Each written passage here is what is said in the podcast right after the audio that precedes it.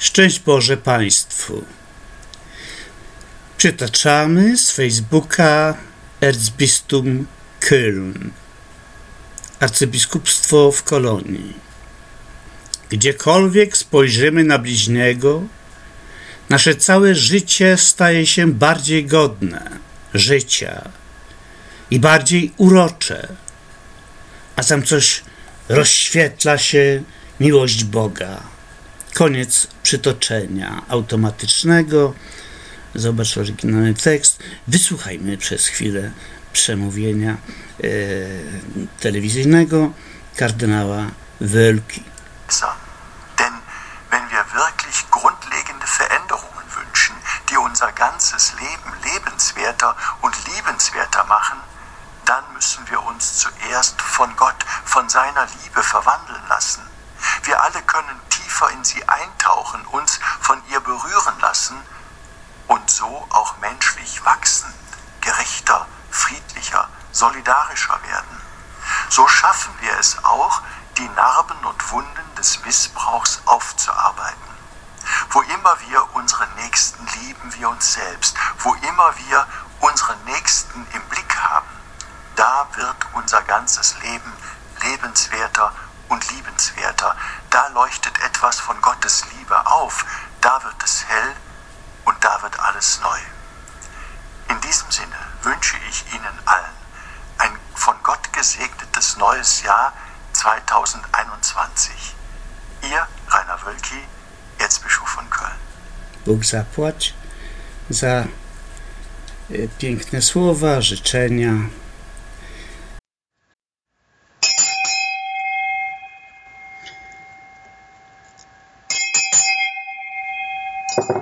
Miały miejsce szatańskie zaiste wypaczenia w Kościele Świętym, jak zresztą w całym życiu publicznym, tudzież nie wiedzieć dlaczego w końcu także i tajnych towarzystw, doskonalących się ludzi żydomasońskich, ezoterycznych, wolnomularskich, wyjętych nie wiedzieć dlaczego spod kontroli państwowej, nie tylko finansowej, jak gdyby żydomasoneria, Davos, Bilderbergi, grupa Windsor Kaczyńskiego, grupa Habsburg Kwaśniewskiego, etc. stały ponad prawem Unii Europejskiej, a także wyjęte były kategorycznie, imperatywnie, po królewiecku koronnie, rzekłby aktualnie, spod wszelkiej oceny moralnej. Tymczasem filozofia, a z nią jednako proces oświecenia ludzkości i to, co najcenniejsze, nazywane powszechnie NWO, nowym porządkiem świata, nie stoją wszak w miejscu, niczym pudrowane peruki w czasach Kanta na wystawie sklepowej, a potem jeszcze do dziś właściwie we wstępie do kapitału Marksa wspomniane, ale permanentnie podlegają rozwojowi zgodnie z planem Bożym. Jakim imieniem nie byłaby wzywana odwiecznie na całej planecie moc kreacji wszystkiego, nie z przypadku agnostycznego, od tak zwanego wielkiego wybuchu do wielkiego wybuchu.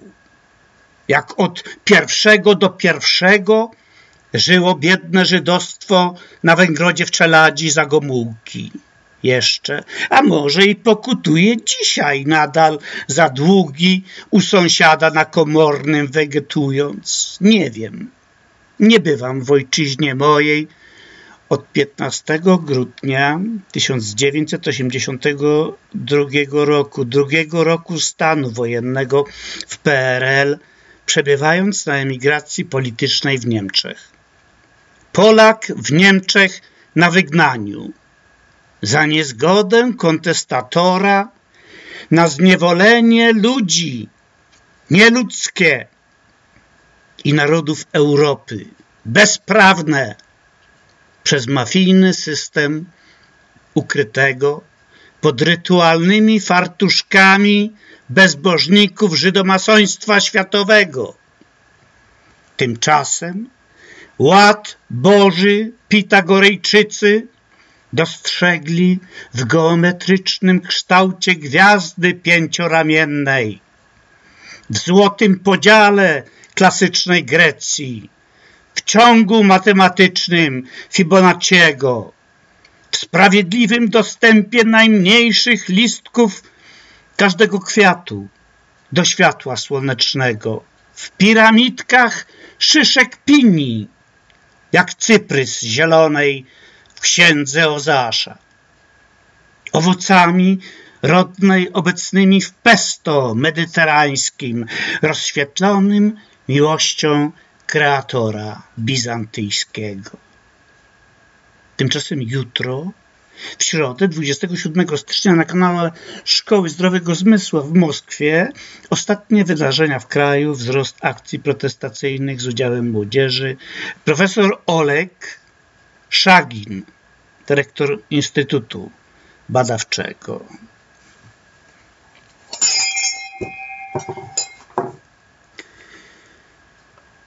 Szczęść Boże Państwu, obecności Bożej nigdy za wiele. Z Brabancji do Belgii, jak masło czelackie do czeladzi, z listy 27.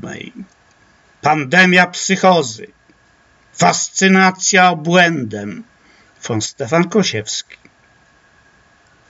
Quibono, 25 rozdział, studia Slawika et Hazarika, zarys estetyki Hazarów, dialog inicjatywie, zniweczona rzeczywistość. Stefan Kosiewski na Facebooku do pani Zofii Kijania. Rzecz w tym, droga pani Zosiu, iż zawsze będą tacy, nazwijmy to inaczej mądrzy, jak dla przykładu miliarderka Ursula von der Leyen, która jako komisarz Unii Europejskiej w Brukseli zrobiła szemrany geszeft z globalistyczną firmą żydowską produkującą na przedmieściach Brukseli szczepionkę AstraZeneca. Natomiast dzisiaj ta osobiście namaszczona przez Angelę Merkel niewiasta, pochodząca notabene z jednej z najbogatszych rodzin żydowskich w Republice Federalnej Niemiec, Albrecht, sklepy Aldi, kawa Albrecht, zdradza wyraźnie objawy pandemii psychozy głosząc w rocznicę wejścia wojsk sowieckich do opuszczonego od kilku dni obozu KL Auschwitz, tak zwane kłamstwo brukselskie. O wstrzymanym rzekomo eksporcie do Unii Europejskiej inkryminowanej szczepionki matacząc, prawdę zatajając, przeinaczając albo nie mając po prostu zielonego pojęcia o tym, że szczepionka ta produkowana jest w Belgii, na przedmieściach Brukseli, w tej samej Brabancji, w której żydokomunista Leszek Miller obecnie robi za negatywnie zaszczepionego eurodeputowanego.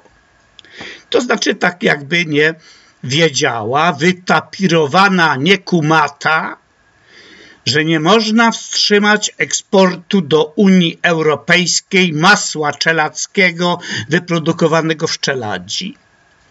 Po prostu dlatego, że czelać leży na terytorium Unii Europejskiej, jak Bruksela w Brabancji. Zatem nie może być eksportu żadnego towaru szczepionkowego czy maślanego, jak masło czelackie z osiedla Piaski na osiedle terrorysty z Polskiej Partii Robotniczej, Marcelego Nowotki. ponieważ nieszczęsne szczepionki wyprodukowane w Brabancji mogą sobie oczywiście syjonistyczne debile unijne podrzucić do Brukseli taczkami. Po godzinach spania na posiedzeniu plenarnym, aby wyspani, zrelaksowani oraz pod nowymi maseczkami, nazwiskami, widzę Janusz Korwin-Mikke, wcześniej używa, używane nazwisko Ozjasz Goldberg, po kilkunastoletnim jeżdżeniu bez prawa jazdy i po przejechaniu polskiej baby na przejściu dla pieszych, jak europoseł Cimuszewicz, po stypendium Fulbrighta w USA, wjechał w suwałkach na przejściu dla pieszych w kobietę na nazwisko Dawid Goldstein. Mogli zaszczepiać się mową nienawiści, jeden od drugiego, nienawiści do miejscowego, goja, do woli. Tautu logicznie, masło maślane. Studia Slawika, Hazarika, Stefan Kosiewski. Kwibono! 25 rozdział żydostwa od miejscowych. Pandemia psychozy 27 stycznia 2021. Fascynacja obłędem z Panem Bogiem, szanowna Pani Zosiu. Nie doszukujmy się.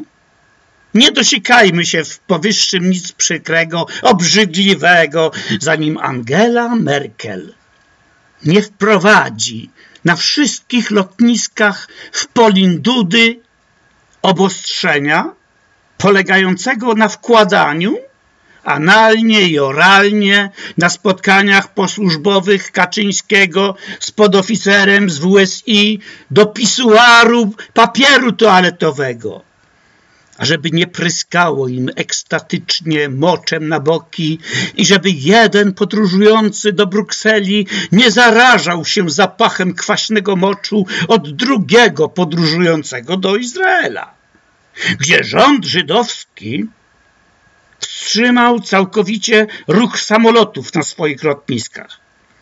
Ponieważ papier toaletowy wkładany tam do muszli klozetowych był z recyklingu Patrz, y, proza Różewicza. Takie było podejrzenie niesprawdzone, a to wywołało z miejsca obligatoryjnie antysemicką odrazę, że oni, to znaczy miejscowe żydostwo, ten papier posrany poddają ekologicznie przerobowi, ażeby utrzeć sprawę tańszym kosztem i żeby premier Netanyahu nie podlegał osądowi za korupcję i geszefty tego samego rodzaju, co Ursula von der Leyen rozprysła na boki śmierdząco w Brukseli. W czytaniu dzisiejszym miesiąc grudzień 2012, polecane. Y, czy jest pani może córką Macieja Kozłowskiego? TW Witold? Zarys estetyki Hazarów, von Stefan Kosiewski, Fascynacja obłędem, 110. Generał konsulin Kozłowska. Tu fotka prezes Stefan Kosiewski, konsul generalna RP w kolonii Jolanta Róża Kozłowska. Frankfurt nad Menem, 7 grudnia 2012 roku. Szanowna Pani Konsul, czy jest może Pani Konsul córką Macieja Kozłowskiego, TW Witold, kłamcy lustracyjnego, żydowskiego bojowca podczas marcowych zamieszek syjonistycznych w 1968 roku, zaś od 1969 kapusia Służby Bezpieczeństwa, który robił m.in. za katolika i członka redakcji Tygodnika Powszechnego w Krakowie. Infiltrował Solidarność Małopolską, a w latach 86-88 przebywał na stypendiach w Stanach Zjednoczonych żeby po Magdalence i tak zwanym okrągłym stole robić za wiceministra spraw zagranicznych. a potem jeszcze za ambasadora RP w Izraelu. Czy też jest to tylko przypadkowa zbieżność żydowskich nazwisk osób zatrudnionych w Ministerstwie Spraw Zagranicznych i w całej tak zwanej budżetówce RP? Czy wiadomo pani, że 30 lat temu Służba Bezpieczeństwa wymusiła między innymi na mnie opuszczenie ojczyzny z paszportem upoważniającym do jednokrotnego przekroczenia granicy PRL bez prawa powrotu. W stanie wojennym byłem jeszcze w Polsce dziennikarzem, pracownikiem zarządu regionu śląsko-dąbrowskiego Solidarności i nie potrafiłem sobie wytłumaczyć później w obozie azylanckim w Szwalbach, jakim to cudem Jerzy Buzek, który nie był ani pracownikiem Solidarności, ani nie płacił składek w żadnej niemieckiej ubezpieczalni, mógł dostać w Katowicach na komendzie wojewódzkiej Milicji Obywatelskiej paszport upoważniający go do wyjazdu z córką na darmowe leczenie w Niemczech i do powrotu do Polski, jak gdyby nigdy nic. Jak gdyby Wydział Paszportowy nie zainteresowało to, kto i za co Buzkowi płaci przy okazji tej wycieczki do Niemiec. Potem dowiedziałem się, że agent Służby Bezpieczeństwa o pseudonimie TW Karol i innych używanych odmówił dokonania lustracji nieskromnej swej osoby w Instytucie Pamięci Narodowej Komisji Badania Zbrodni przeciwko narodowi polskiemu. Bowiem po okresie robienia za premiera w Polsce podejmował szereg decyzji korzystnych także dla RFN jako przewodniczący Parlamentu Europejskiego. Pisany przeze mnie obecnie zarys estetyki Hazarów ubogacany w tym miejscu uwagą iż antypolska współpraca ze służbą bezpieczeństwa wykonywana przez kapusia Buzka, kapusia Kozłowskiego i wiele milionów takich samych jak oni złoczyńców, oprócz wymiernych korzyści finansowych, mogła im dawać także i coś takiego jak poczucie sensu życia.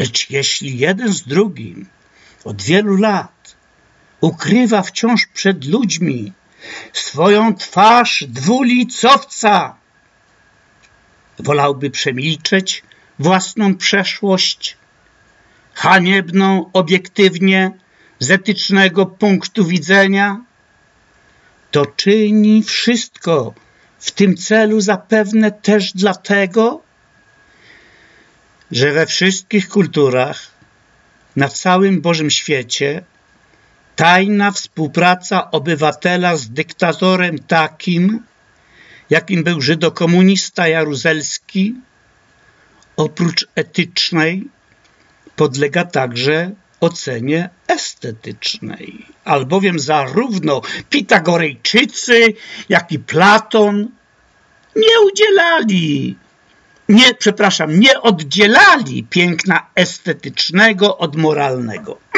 Stąd mówimy y, dzisiaj w kręgu cywilizacji i kultury europejskiej o pięknym zachowaniu młodych ludzi ze skupieniem i szacunkiem odnoszących się do moralizatorskich uwag osób starszych a nie tylko o pięknym zachowaniu kawalerów ustępujących cudzym dziadkom miejsca na Titaniku.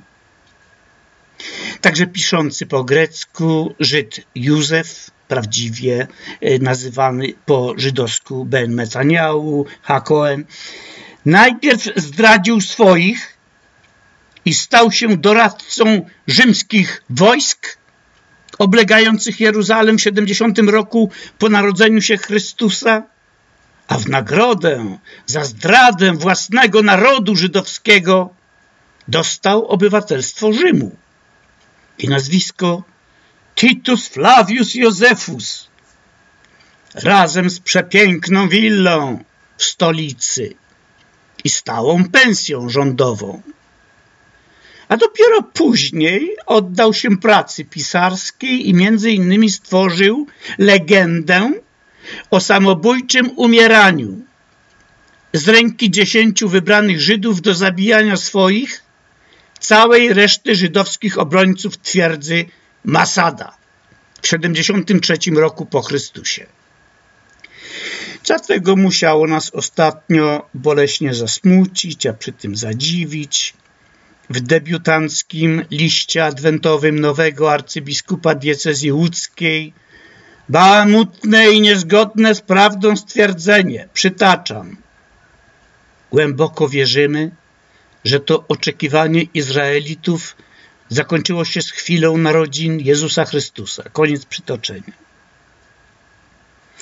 Nie wchodząc zatem w rozważania talmudyczne na temat tego, czy biskup ma rację, bredząc o tym, że Żydy przestały z chwilą narodzin Jezusa Chrystusa czekać na całym świecie na nadejście Mesjasza, możemy z pewnością powiedzieć, że nie jest to piękne ze strony biskupa rzymskokatolickiego, profesora teologii, ażeby w liście pasterskim do młodych Polaków i katolików Łodzi, Tomaszowa Mazowieckiego oraz innych pobliskich okolic zwracać się w języku odległym od pojęcia piękna i dostrzegać tylko problem zakłamania innych ludzi. Wyłączając spośród tegoż zakłamania kler katolicki i przedstawicieli episkopatu Polski, obecnych chociażby przy obrzydliwej zmowie z Kiszczakiem w Magdalence, owocującej w tragiczne dla narodu polskiego skutki tejże szatańskiej zmowy, układów tajemniczonych stron oraz osób związanych diabelskim cyrografem, takich jak na przykład Wałęsa i bracia Kaczyńscy, ale i trzej księża obecni w Magdalence z woli JP2 i kardynała Glempa, mianowani wkrótce za to biskupami. Gdyż młodzi Polacy w Polsce XXI wieku, do których biskup niewymieniony tu z nazwiska, dzisiaj w Krakowie, nieodpowiedzialnie mówi językiem niewykształconego, mitycznego Poleszczuka, przepraszam, legitymujący się przecież jak żaden inny naród, nie tylko w Unii Europejskiej, ale i na całym Bożym świecie, w 40% dyplomem ukończenia wyższej uczelni. Sum sum corda. I podnośmy poziom naszych wypowiedzi publicznych, albowiem do głupich nie mówimy. Zambon i z katedr, lecz do grzesznych i zniewolonych dla narodu polskiego kapusie żydowskiego pochodzenia, którzy donosili dla korzyści materialnych w żydokomunistycznym PRL-u na swoich bliźnich, ażeby lepiej żyć kosztem Polaków i zajmować państwowe stanowiska. Nie są piękni. Piękna jest natomiast nie tylko dla Żydów i Polaków legenda o heroicznej śmierci żydowskich obrońców Masady, przypisana im przez Flawiusza postmortem, na wzór greckiego rozumienia piękna przez Homera. Nie zapominajmy przy okazji dokonanego przed chwilą wartościowania, że Titus Flavius Josephus pisał dla rzymskiego czytelnika rozkochanego w klasycznych wzorach estetyki Greków. W grudniu 2012 mija 20 lat od założycielskiego zebrania w pomieszczeniach parafii rzymskokatolickiej Polskiego Stowarzyszenia Szkolnego Oświata we Frankfurcie nad Menem. I w świetle powyższych wyjaśnień nie byłoby zaprawdę piękne, gdyby z tego powodu jakiś żydokomunistyczny zboczeniec z uczciwej drogi wpadł jeszcze na pomysł składania fałszywych gratulacji z okazji tegoż jubileuszu narodowego, aktywnym społecznie na emigracji politycznej w Niemczech, członkom narodu polskiego. W załączeniu przesyłam fotkę, na której nie pięknie, ale chyba ładnie. Z panią konsul wyszedłem przed paru laty w przerwie koncertu Chopinowskiego w Oberurzel, kiedy to pogratulowałem pani w kawalerski zaiste sposób objęcia nowego stanowiska.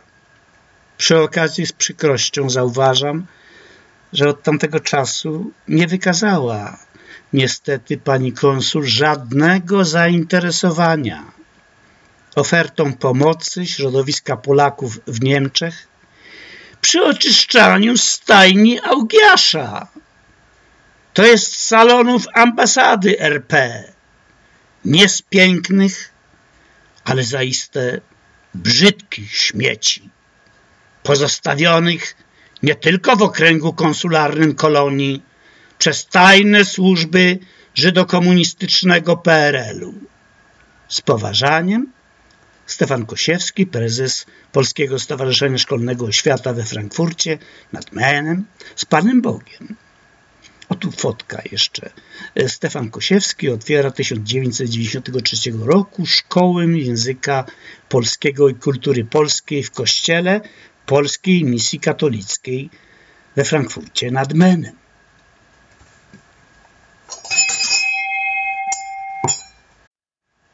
Przechodzimy do czytania nowego.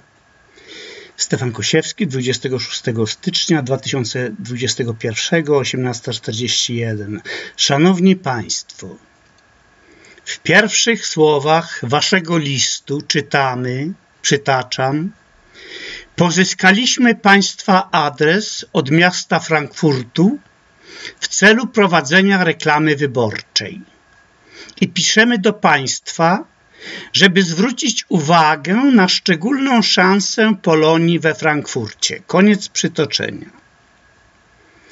Natomiast na Facebooku czytamy, iż są państwo organizacją polityczną. To tamci jeszcze do nas. Y, I koniec przytoczenia. I my teraz. Cieszymy się, że miasto Frankfurt nad Menem wskazało Państwu prywatny adres działającego od 1992 roku na rzecz Polaków żyjących w Niemczech, przewodniczącego Stowarzyszenia Polnische Schulverein Oświata in Frankfurt am Main e.V. Chętnie pomożemy Państwu w prowadzeniu reklamy wyborczej na łamach magazynu europejskiego SOWA na warunkach do ustalenia.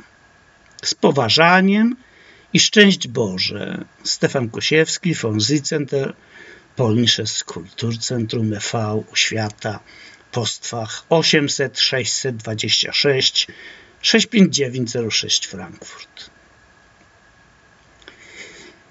Korespondencja elektroniczna Stefan Kosiewski, do Subiekt Barbara Lange, Dariusz Kalinowski, Daj Znak, Frankfurt 24 stycznia 2021. Temat.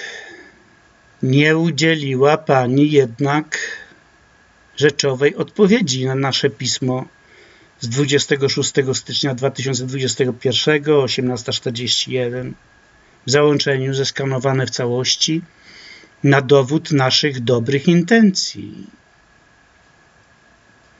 Szanowna Pani Adwokat Lange, główna kandydatka do Rady Miasta, nie umniejszając tak zwanych walorów estetycznych, widzę w załączeniu kolaż. Von Jan Matejko. Chciałoby się zapytać, czy nie nazywała się pani może wcześniej Abramska z domu? Jak ciepła wdowa po skremowanym Adamowiczu? Europosłanka oskarżona przez prokuraturę we Wrocławiu o ukrywanie działalności gospodarczej i zatajanie dochodów z najmu? Tu link do artykułu w gazecie Rzeczpospolita opublikowanego. Europosłanka Magdalena Adamowicz na celowniku fiskusa i prokuratury. Ponieważ kropla w kroplę, jak to się mówi, sądząc po mijaniu się z obiektywną rzeczywistością, jednej i drugiej. Powiem wprost, nie owijając bawełnę elokwencji jurysty, jako magister filologii polskiej ze specjalnością nauczycielską Uniwersytetem Katowice. Nie podoba mi się arogancja, z jaką zwróciła się pani w przesyłce środa 27 stycznia 2021 17.08 wysłanej nachalnie to jest powtórnie po liście z datą 24 stycznia 2021 z mataczeniem zawartym w pokrętnych informacjach pani odnośnie wyborów. A mianowicie zwróciła się pani do mnie osobiście ze słowami, przytaczam, Pozyskaliśmy Państwa adres od miasta Frankfurtu w celu prowadzenia reklamy wyborczej i piszemy do Państwa, żeby zwrócić uwagę na szczególną szansę Polonii we Frankfurcie. Koniec przytoczenia. Odpowiedziałem natychmiast prawie na Pani propozycję. Chętnie pomożemy Państwu w prowadzeniu reklamy wyborczej na łamach magazynu europejskiego SOWA na warunkach do ustalenia. Nie udzieliła Pani jednak rzeczowej odpowiedzi na nasze pismo z 26 stycznia 2021 1841 w załączeniu zeskanowane w całości na dowód naszych dobrych intencji? Może pani, rzecz jasna, dla swojej tylko uciechy udawać permanentnie głupią. Porównaj, tylko mądra się wygłupia. Głupia jest po prostu głupia. Fraszka von Jan Izydor Staudinger. Niczym eurodeputowana Adamowicz, która jeszcze nie została skonfrontowana przez prokuraturę w PL ze zarzutem współuczestnictwa we wielomilionowych zyskach 26 milionów PLN osiągniętych na polu geszeftów. Gdańsk-Lipsk dialog inicjatywę żydostwa miejscowego ze wschodnio-niemieckim to jest w mafijnym przekręcie, do którego doszło po kryminalnym wydelegowaniu się Adamowicza do zasiadania w Radzie Nadzorczej w Lipsku.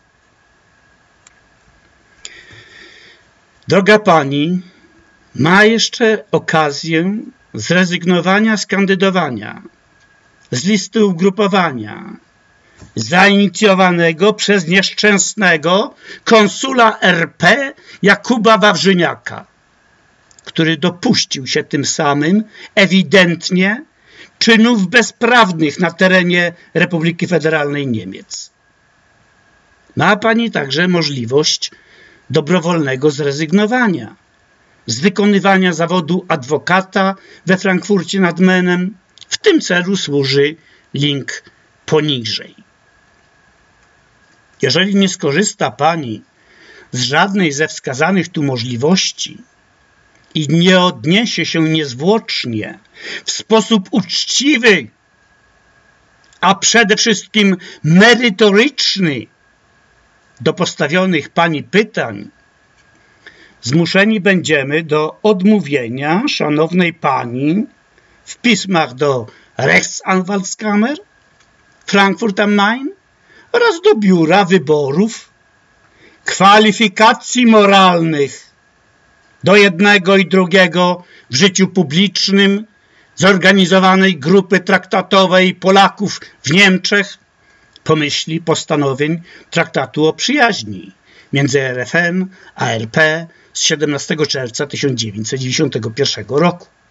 Z poważaniem oddaję do publikacji w interesie publicznym i w zgodzie z postanowieniami traktatu z 17 junii 1991 Stefan Kosiewski, żurnalist, magister der polnischen filologii. I tu Verzicht i link do tego, gdzie można tam zrezygnować jako adwokat. Kliknąć, wypełnić formularz na miejscu. Rechtsanwaltskammer Frankfurt am Main, Bockenheimer Anlage, to w kopii wysłaliśmy na, na adres info i Rechtsanwaltskammer.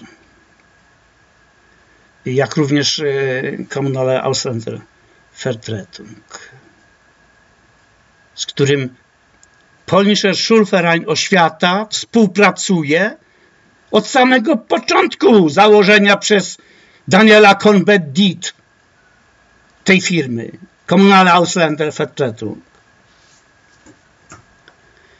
Tyle można było zasięgnąć informacji.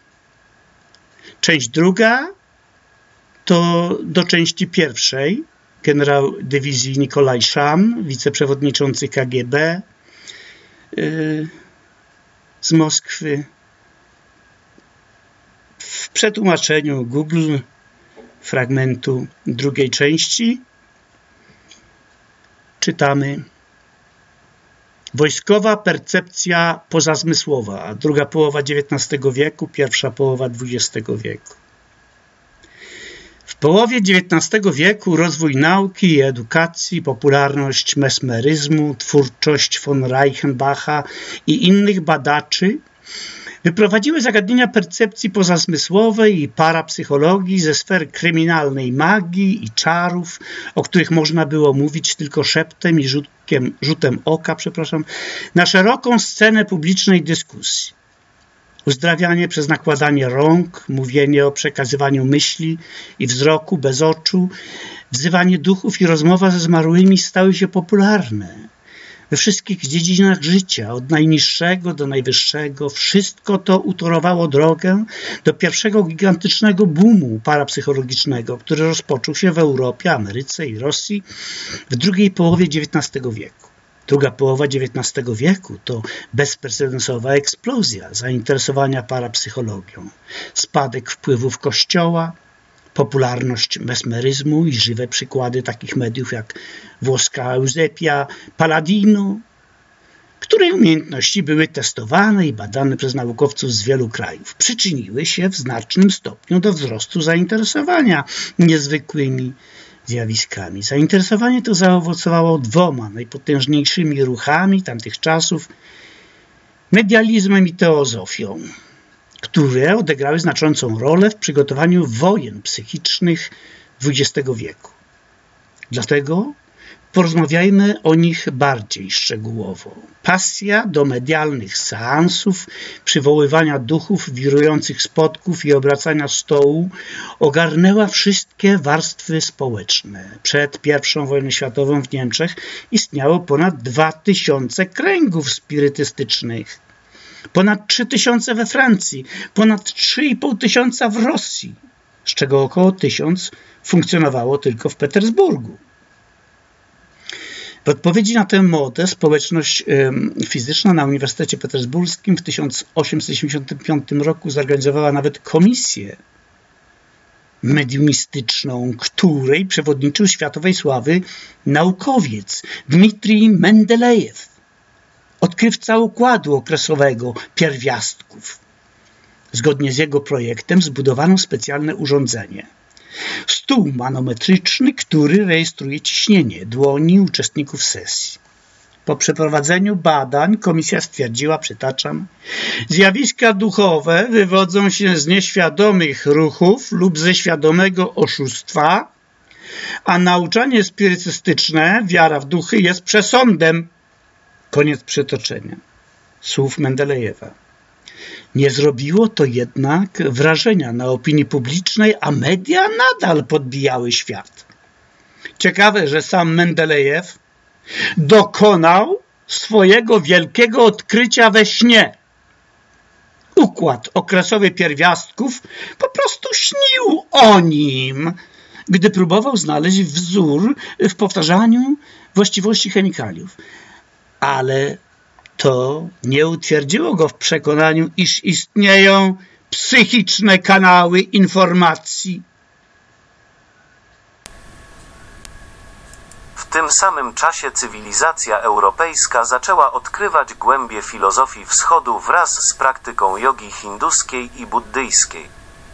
Wszędzie powstały różne stowarzyszenia zajmujące się badaniem i praktyką okultyzmu i nauk wschodu. Najsłynniejszym z nich było Towarzystwo Teozoficzne. Założone przez Helenę Blawacki i pułkownika Henry'ego Olcota 17 listopada 1875 roku w Nowym Jorku. Zdeklarowanym celem badania niezbadanych praw natury i ludzkich zdolności w oparciu o syntezę duchowych osiągnięć wschodu i na zachód.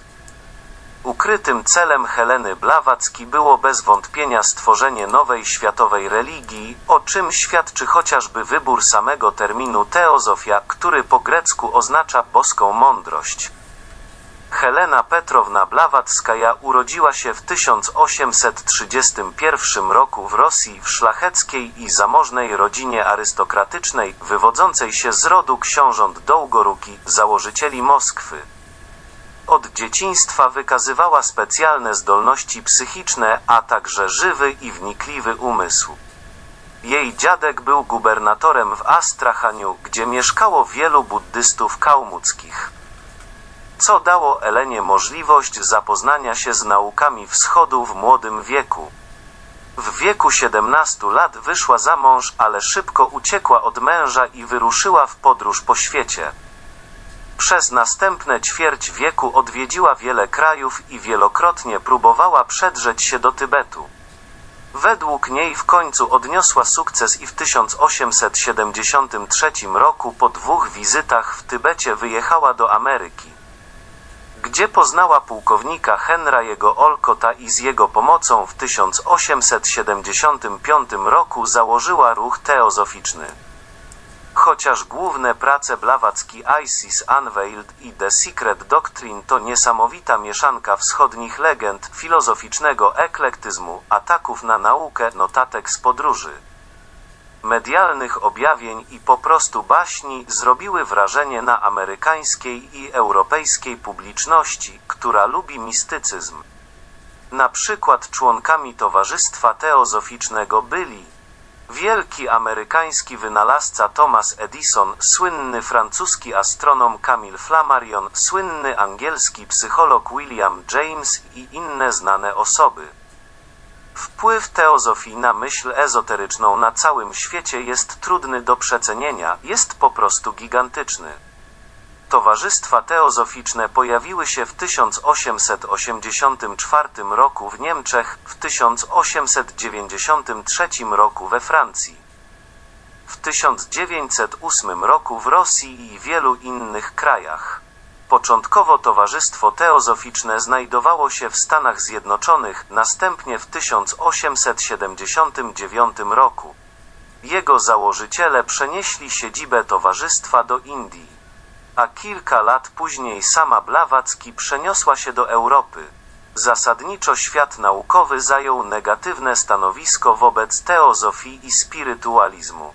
Jednak niektórzy wybitni uczeni uważali, że zjawiska mediumistyczne powinny być poważnie badane i w 1882 roku, za sugestią fizyka Sir Williama Fletchera Barretta 1844 do 1925 utworzono w Londynie Towarzystwo Badań Parapsychologicznych SPR.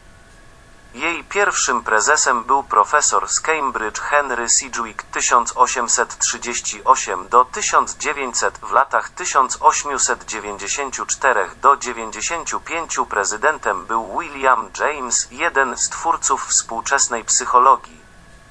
Wśród wybitnych członków OPI był Sir Arthur Conan Doyle 1858 do 1930, autor opowiadań o Sherlocku Holmesie. W 1885 roku pojawiło się francuskie Towarzystwo Badań Parapsychologicznych i amerykańskie Towarzystwo Badań Parapsychologicznych. A w 1890 roku Rosyjskie Towarzystwo Psychologii Eksperymentalnej utworzyło komisję do zbadania zjawiska czytania w myślach. Wszystkie takie organizacje starały się oddzielić prawdziwe zjawiska parapsychiczne od szarlatanów i zbadać je jako dziedzinę nauki. Badali każdy przypadek spontanicznej telepatii, potwierdzony przez świadków, i zrobiono wiele, choć czasami kosztem wielkiego rozczarowania samych badaczy. Kontrole OPI, wbrew intencjom jego członków, bardziej przyczyniły się do ujawnienia oszustwa niż do potwierdzenia realności zjawisk mediumistycznych. Blawacki zmarła w 1891 roku. Wkrótce po jej śmierci rozpoczęła się gwałtowna walka o władzę w kierownictwie społeczeństwa, częściowo oparta na historii fałszowania listów Mahatmów. Amerykańskie Towarzystwo Teozoficzne oddzieliło się i ogłosiło niepodległość. W 1907 roku Anna Besant została przewodniczącą Towarzystwa Podstawowego, a w 1912 roku ogłosiła swoją podopieczną młodego panditę Jiddu Krishnamurti, Mesjasza, Zbawiciela ludzkości i Buddy. To wywołało wiele protestów. Na znak sporu Rudolf Steiner 1861 do 1925 były przywódca niemieckiego Towarzystwa Teozoficznego. Opuścił je i na podobnych zasadach założył w 1913 roku nowe Towarzystwo Antropozoficzne, a wraz z nim swoją doktrynę antropozofii. Jego wykłady cieszyły się ogromnym zainteresowaniem słuchaczy. Był szczególnie popularny wśród studentów i pań z towarzystwa.